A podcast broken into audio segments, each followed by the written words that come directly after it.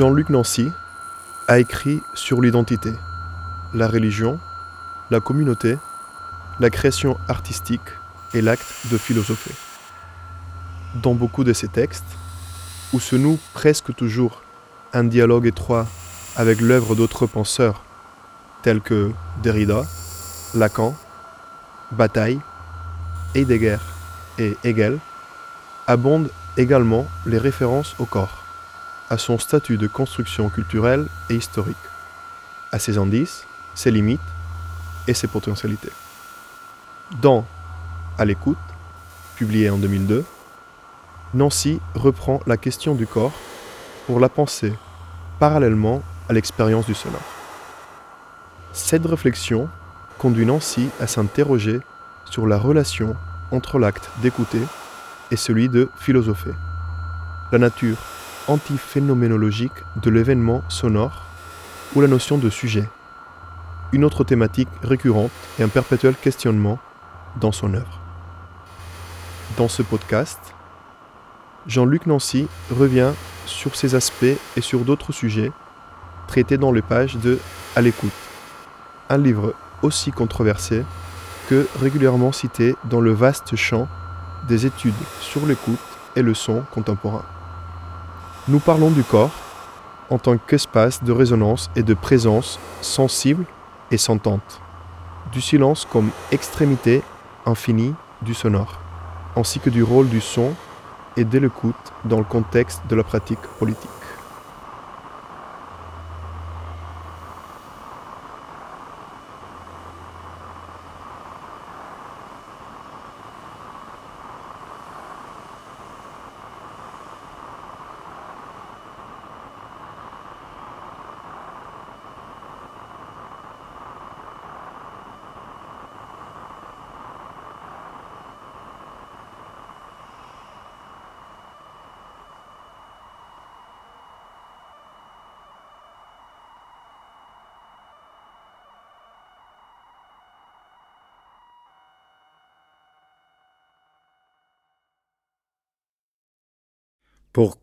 J'ai écrit un livre sur l'écoute.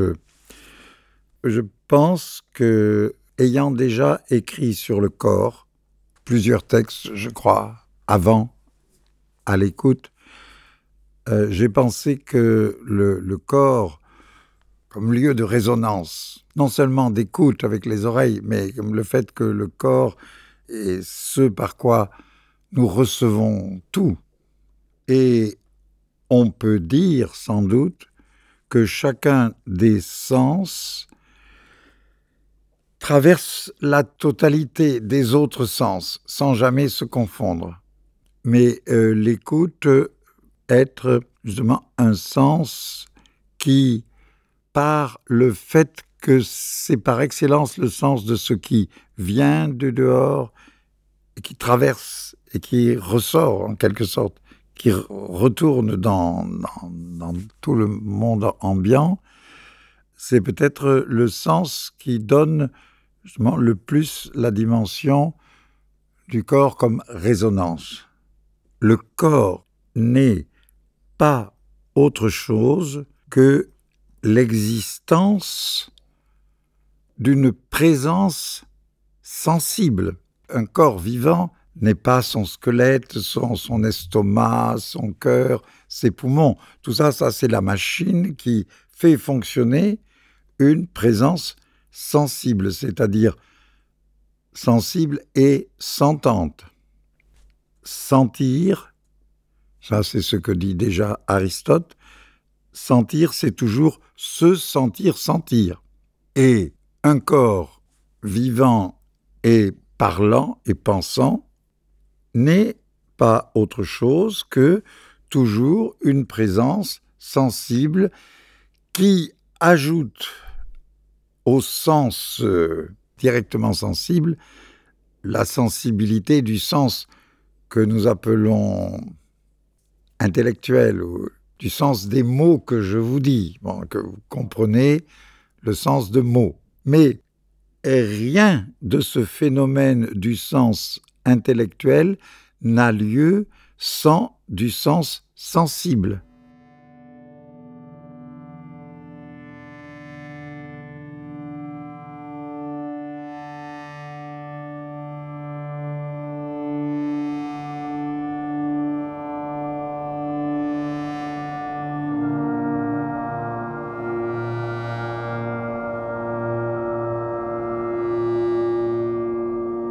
Oui, on peut dire que le, que le, son, le sonore, ne relève pas du phénomène ou de la phénoménalité, du moins au sens où le mot phénomène et toute la chaîne des mots qui, avec lesquels il, il est lié, comme le apparaître, même la manifestation. Donc tout ce, qui tourne à partir de la racine du grec phainen est quand même pensé spontanément dans l'ordre du visible. Et la phénoménologie, alors que ce soit la phénoménologie de Hegel, signifie aussi comment l'esprit apparaît, se manifeste, alors on peut dire dans l'existence en général, mais avec euh, un privilège quand même du, visible, c'est-à-dire de la, manifestation à distance. Tout à l'heure, j'ai dit, peut-être je crois au début, j'ai dit que même la vision traversait tous les... C'est vrai aussi, mais il y a, il y a quand même des accents euh, singuliers. Et, évidemment, la vision n'est pas l'écoute, qui n'est pas le toucher, qui n'est pas l'odorat, etc. Et donc, dans l'écoute, il y a quelque chose qui, en quelque sorte, n'apparaît pas, mais qui plutôt pénètre. Quelque chose qui ne reste pas à distance, mais qui abolit la distance et qui rentre. Et on a toujours remarqué de, depuis l'Antiquité que on ne peut pas se boucher les oreilles. Il y a dans la sonorité quelque chose qui, bien sûr, jusqu'à un certain point, apparaît, mais en même temps, il y a quelque chose qui fait que l'apparaître ici est toujours en même temps un disparaître. Et ça, c'est lié à la résonance. Le son, il vient, il rentre, il sort. En français, il y a une expression pour désigner euh, le fait que qu'un enfant n'apprend pas bien, n'écoute pas bien à l'école. On dit ça lui rentre par une oreille et ça sort par l'autre.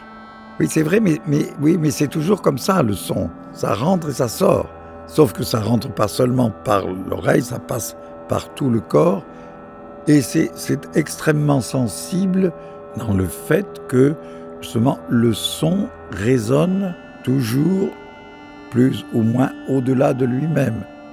Donc voilà, la sonorité, elle est dans le venir et partir et revenir et repartir. La question du silence, elle apparaît d'abord comme la question du aucun son, une absence de son et même une absence de bruit. Nous savons par des expériences scientifiques ou par euh, l'expérience de John Cage et de la chambre anéchoïde que le silence est peut-être l'extrémité infinie de la sonorité. C'est-à-dire que pour avoir du silence, il faut faire le silence. Il faut, il faut une opération, un geste. Et en faisant le silence, sans doute qu'on entre dans un espace dans lequel c'est l'espace lui-même qui se fait entendre en tant qu'espace, c'est-à-dire juste en tant qu'écartement. Le silence suppose euh, un certain vide, le, vide de, la chambre adécoïde, le, le vide, le vide d'un certain esprit. Le, le silence ne peut pas être dans l'étouffement. Si vraiment je compresse les oreilles de quelqu'un très très fort. De. Alors c'est pas le silence, je provoquerai au contraire de, de, de, tout, tout un bruit terrible à l'intérieur. Le silence n'est pas la sonorité étouffée. On pourrait dire que le silence est l'espace de résonance pour lui-même et dans lequel, alors, en effet, on peut écouter l'écoute. On peut s'écouter, écouter. Et si j'arrive à m'écouter, écouter, je fais, je crée un, un, vide en quelque sorte entre moi et le son que j'écoute. Si j'entends, j'entends une musique, si j'écoute mon écoute de la musique, ben, j'écoute justement un, vide, un espace, un silence. Or, sans doute faut-il dire que ce silence est toujours lui-même une forme de sonorité, une résonance, un bruit de fond. De même qu'il n'y a pas de silence euh, absolu, il n'y a pas d'absence de son. Il y a de même aussi que, que dans le langage, souvent, quand on ne dit rien ou plus rien, on fait entendre beaucoup de choses. Après une exclamation, j'ai peur, je ah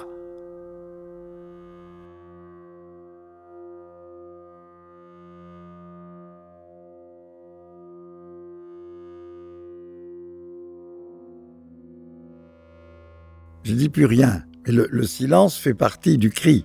Dans le silence, le, cri, à la fois le cri résonne, et, mais en même temps résonne l'impossibilité de dire autre chose.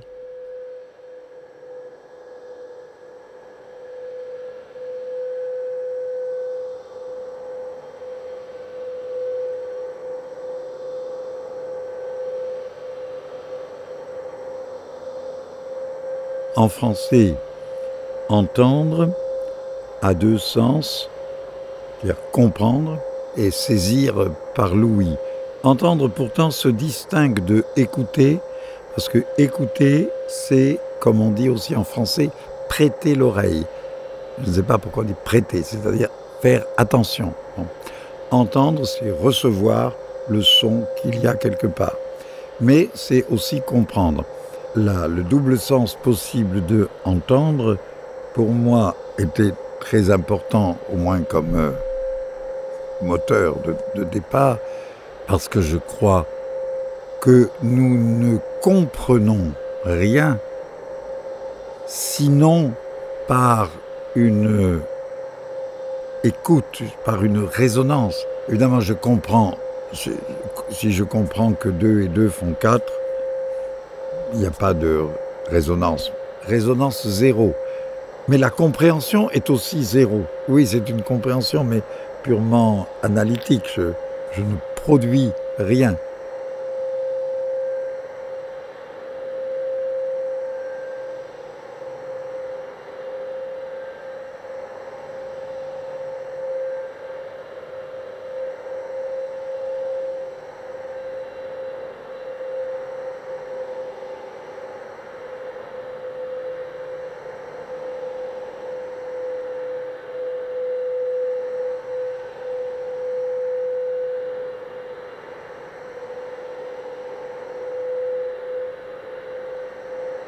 Comment parler de la philosophie comme activité d'enchaînement de signification chargée de parvenir à une certaine logique, c'est-à-dire non pas au sens de la logique formelle, mais une logique au sens d'une interdépendance des significations qui permettent, par exemple, de demander qu'est-ce que l'existence ou qu'est-ce qu'un corps et cet acte philosophique, en effet, semble d'abord procéder à une neutralisation de la sensibilité.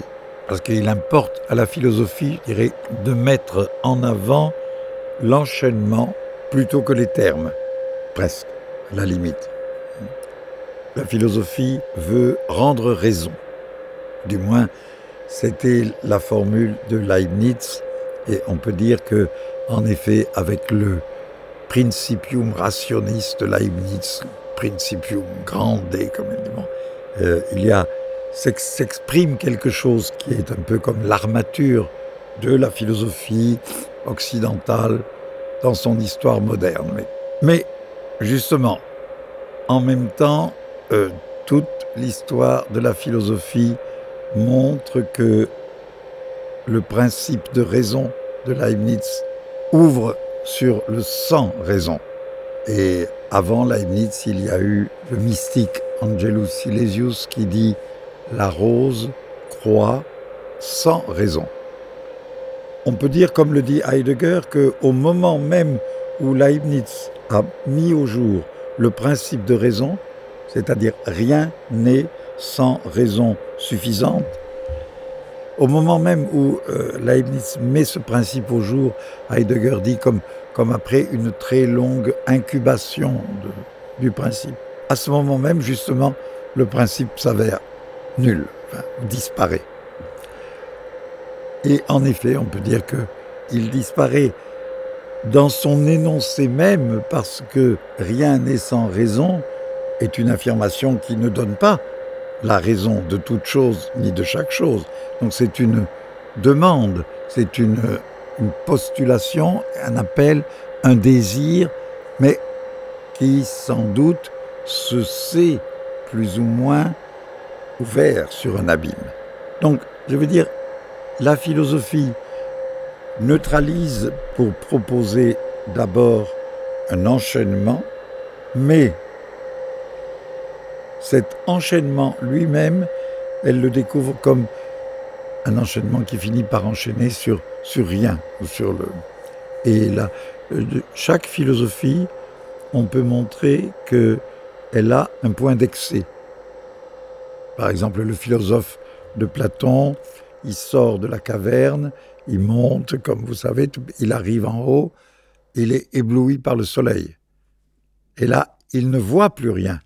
Donc la vision s'arrête dans l'aveuglement. Par exemple, Hegel, qui passe pour le philosophe le plus occupé à faire fonctionner de manière parfaite justement l'enchaînement par le moyen de la dialectique à ce moment. Mais comment se termine tout le parcours hegelien de l'esprit? L'esprit qui pour Hegel veut dire au fond le l'être même est la raison des choses. Les dernières lignes de Hegel disent que l'esprit jouit infiniment de lui-même. Qu'est-ce que c'est que cette jouissance? C'est une jouissance qui ne peut pas être reprise dans, dans l'enchaînement de l'esprit avec lui-même, mais qui est en même temps la raison de tout le mouvement de l'esprit. L'esprit sort de lui-même, devient les formes logiques, devient la nature, devient l'humanité, devient l'histoire, etc., etc., pour jouir de lui-même. Et évidemment, dans ce mot jouir, il y a justement ce qui ne peut pas être neutralisé et qui, du coup, je dirais, se fait entendre aussi. On entend l'esprit jouir, si vous voulez.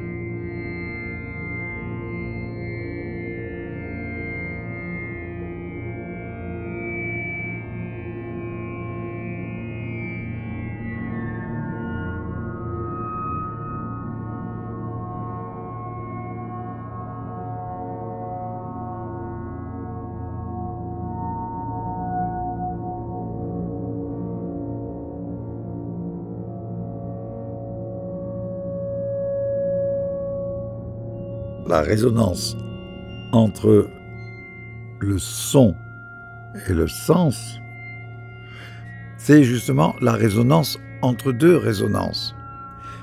Mais maintenant, si on se demande ce qui se passe pour un seul sujet, qu'on appelle un sujet.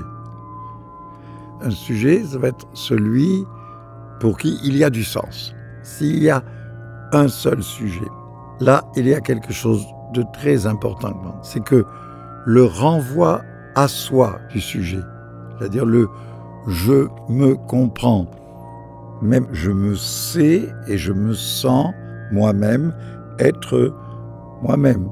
Mais ça, ça n'est possible que justement s'il y a un soi. Et, un soi, ça veut dire un à soi. Ça veut dire un retour sur soi. Ça veut dire un renvoi de moi à moi. Mais soi veut dire justement à soi. Donc si je dis que je renvoie à moi, ça veut dire que je renvoie à à soi. C'est-à-dire la structure de soi est, est une structure de renvoi. Et en ce sens-là, le sujet est justement, comme le dit Hegel, le sujet, c'est justement la substance, mais mise en mouvement. Ce qu'on appelle sujet, c'est la substance en tant que mouvement de se rapporter à soi. Mais à partir du moment où la substance se rapporte à elle-même, elle se rapporte à elle-même en tant que rapport. Donc c'est un rapport de rapport. En un sens, je pense que Hegel doit dire quelque chose comme ça, le sujet est la vérité de la substance dans la mesure où la substance est placée dessous, mais sous le dessous, il n'y a rien.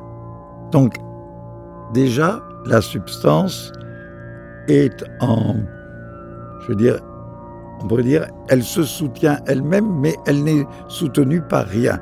C'est un peu comme l'histoire de Saint Christophe, parce que Christophe veut dire Christophoros, celui qui porte le Christ. Et la question est, si Christophe porte le Christ, et si le Christ porte le monde, alors sur quoi marche Christophe? C'est une plaisanterie, mais c'est une, plaisanterie métaphysique en fait. C'est-à-dire le sujet, Christophe, ne marche sur rien. Bon. Le sujet ne renvoie que au renvoi qu'il est lui-même, et ainsi infiniment. Et cette résonance, oui, je veux dire, cette résonance, on peut, on peut la marquer de deux manières euh, vocales, justement. C'est important. La première, c'est je. Le, un sujet parlant, vraiment constitué, c'est celui qui est capable de dire je. Vous savez, quand un enfant a compris qu'il peut dire je. Et qu'est-ce que ça veut dire de dire je? Au lieu que, que peut-être euh, pas le petit enfant, d'abord il se, peut se désigner par son nom. Alors, va dire, le petit Jean-Luc dit Jean-Luc euh, a faim. Mais à un moment donné, il dit j'ai faim. Quand il dit je, ça veut dire qu'il dit la même chose que l'autre.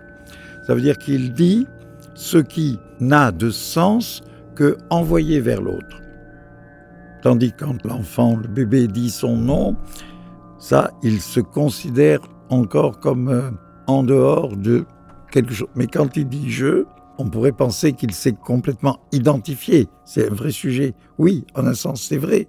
Mais il s'identifie comme l'autre. Comme l'autre qui lui aussi peut dire je. Et alors, à l'autre qui dit je, je peux dire tu ou vous.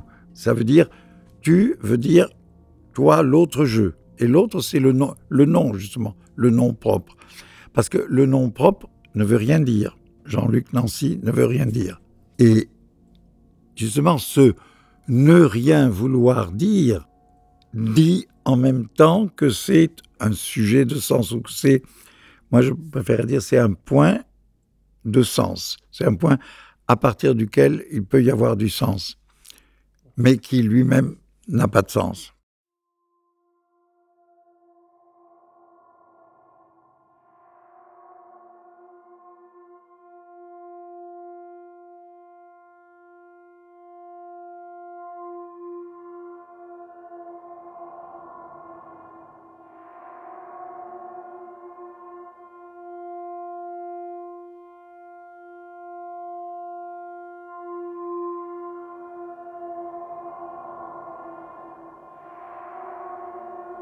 La politique a toujours été lié à la parole et à l'échange de la parole, à la discussion et aussi à l'adresse de la parole, à l'appel. Il n'y a pas sans doute de collectivité sans un grand parler, ou alors quelquefois sans doute un grand silence, mais qui est un autre parler. Le silence peut-être du, du Dieu, par exemple, j'imagine le Pharaon ne devait pas beaucoup parler au, peuple. Le, Pharaon, il est là, il est là dans sa majesté, il n'a pas à parler. Donc, mais d'une manière ou d'une autre, il y a, oui, la politique demande la résonance et ne peut pas se contenter des images. Il est remarquable que ce culte de la personnalité, la plupart du temps, c'est des images. C'est des grands portraits de Staline ou de Mao ou de. On voudra. Et souvent, il y a chez les, tyrans, les dictateurs, les, fous du pouvoir, il y a l'idéal de faire faire des grandes images que ce soit des statues ou alors pas des images, mais des, des temples, des grandes constructions, qui sont pas seulement des témoignages du pouvoir, qui sont le pouvoir lui-même, qui sont la présence forte, l'exercice même de la maîtrise et de la domination. Bien sûr, avec la parole, on peut tendre à faire la même chose, mais ça, justement, c'est la parole qui crie, qui hurle, des ordres, des slogans. C'est, les discours de Hitler sont très remarquables de ce point de vue-là. Et on sait que Hitler, Solini étaient des, des orateurs euh, extrêmement puissants. Mais justement, c'est une parole qui ne dit rien, c'est une qui n'échange rien, qui ne résonne pas. C'est une parole qui qui ne fait pas résonner du sens. Elle est uniquement destinée plutôt à faire résonner le ventre, le corps des auditeurs pour les faire adhérer immédiatement. Ce qui fait aussi qu'il y a certaines musiques qui sont des musiques politiques, en général, c'est-à-dire les hymnes nationaux ou même des hymnes révolutionnaires et qui sont toujours des musiques assez fortement charpenté et dont le modèle plus général, c'est le, le, chant de marche, pas, comme la Marseillaise française. Bon. Et là, justement, je dirais, la musique tend à devenir image, à devenir forme visible. Il y a quelque chose qui fait que le régiment qui marche au pas, ça va avec ah oui, la musique dite militaire. Mais je dirais, la musique militaire ne se règle pas sur le fait de marcher au pas. Parce que pourquoi marche-t-on au pas? On marche au pas, en fait, pour donner justement une image, pour donner une forme arrêtée, complète de la puissance, l'unité, l'obéissance au chef, etc., etc. Et donc je dirais ça, c'est de la sonorité tendanciellement visuel, alors que l'échange de la parole dans la discussion, aussi d'ailleurs dans l'interpellation, dis, euh, dans la politique, il y a beaucoup de je t'appelle, écoute-moi. Tu ne m'as pas écouté, je te l'avais bien dit, je te dis, etc.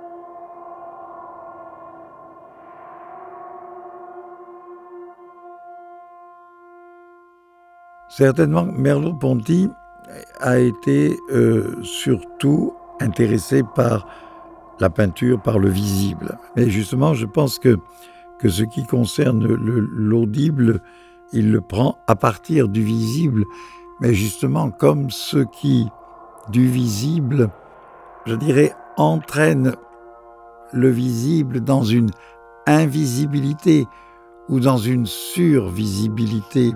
Par exemple, les couleurs. C'est très frappant que, avec les couleurs, on est souvent amené à employer des métaphores sonores.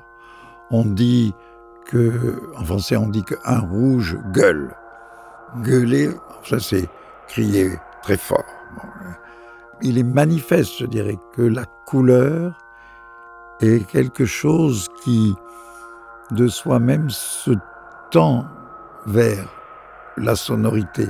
Parce que la couleur aussi résonne en elle-même. Parce qu'une couleur, elle peut avoir plus ou moins de, de profondeur. C'est pas la même chose si une couleur est une, une laque acrylique euh, surface bien où on va avoir une vibration, je dirais, très courte comme ça, ou bien si c'est une couleur donnée par euh, une teinture euh, avec tel et tel pigment, ou, ou de la peinture à l'huile, ou tout de l'aquarelle, des pastels, tout ça, ça donne des couleurs qui vibrent de manière très différente. Si vous voulez, voilà, je dirais volontiers que le phénomène sonore, c'est le phénomène de la vibration. Et que, en effet, à l'idée de vibration, j'associerais plus volontiers l'idée de phénomène comme c'est un certain type de manifestation, la vibration. La vibration qui est dans la résonance même. Mais ce qui est le plus proprement sonore, c'est ce qui ne fait plus apparaître la vibration comme telle. là, je dirais encore une fois, euh, ce qui devient une, pénétration, ce qui envahit le corps et y donne un certain état, une certaine tension.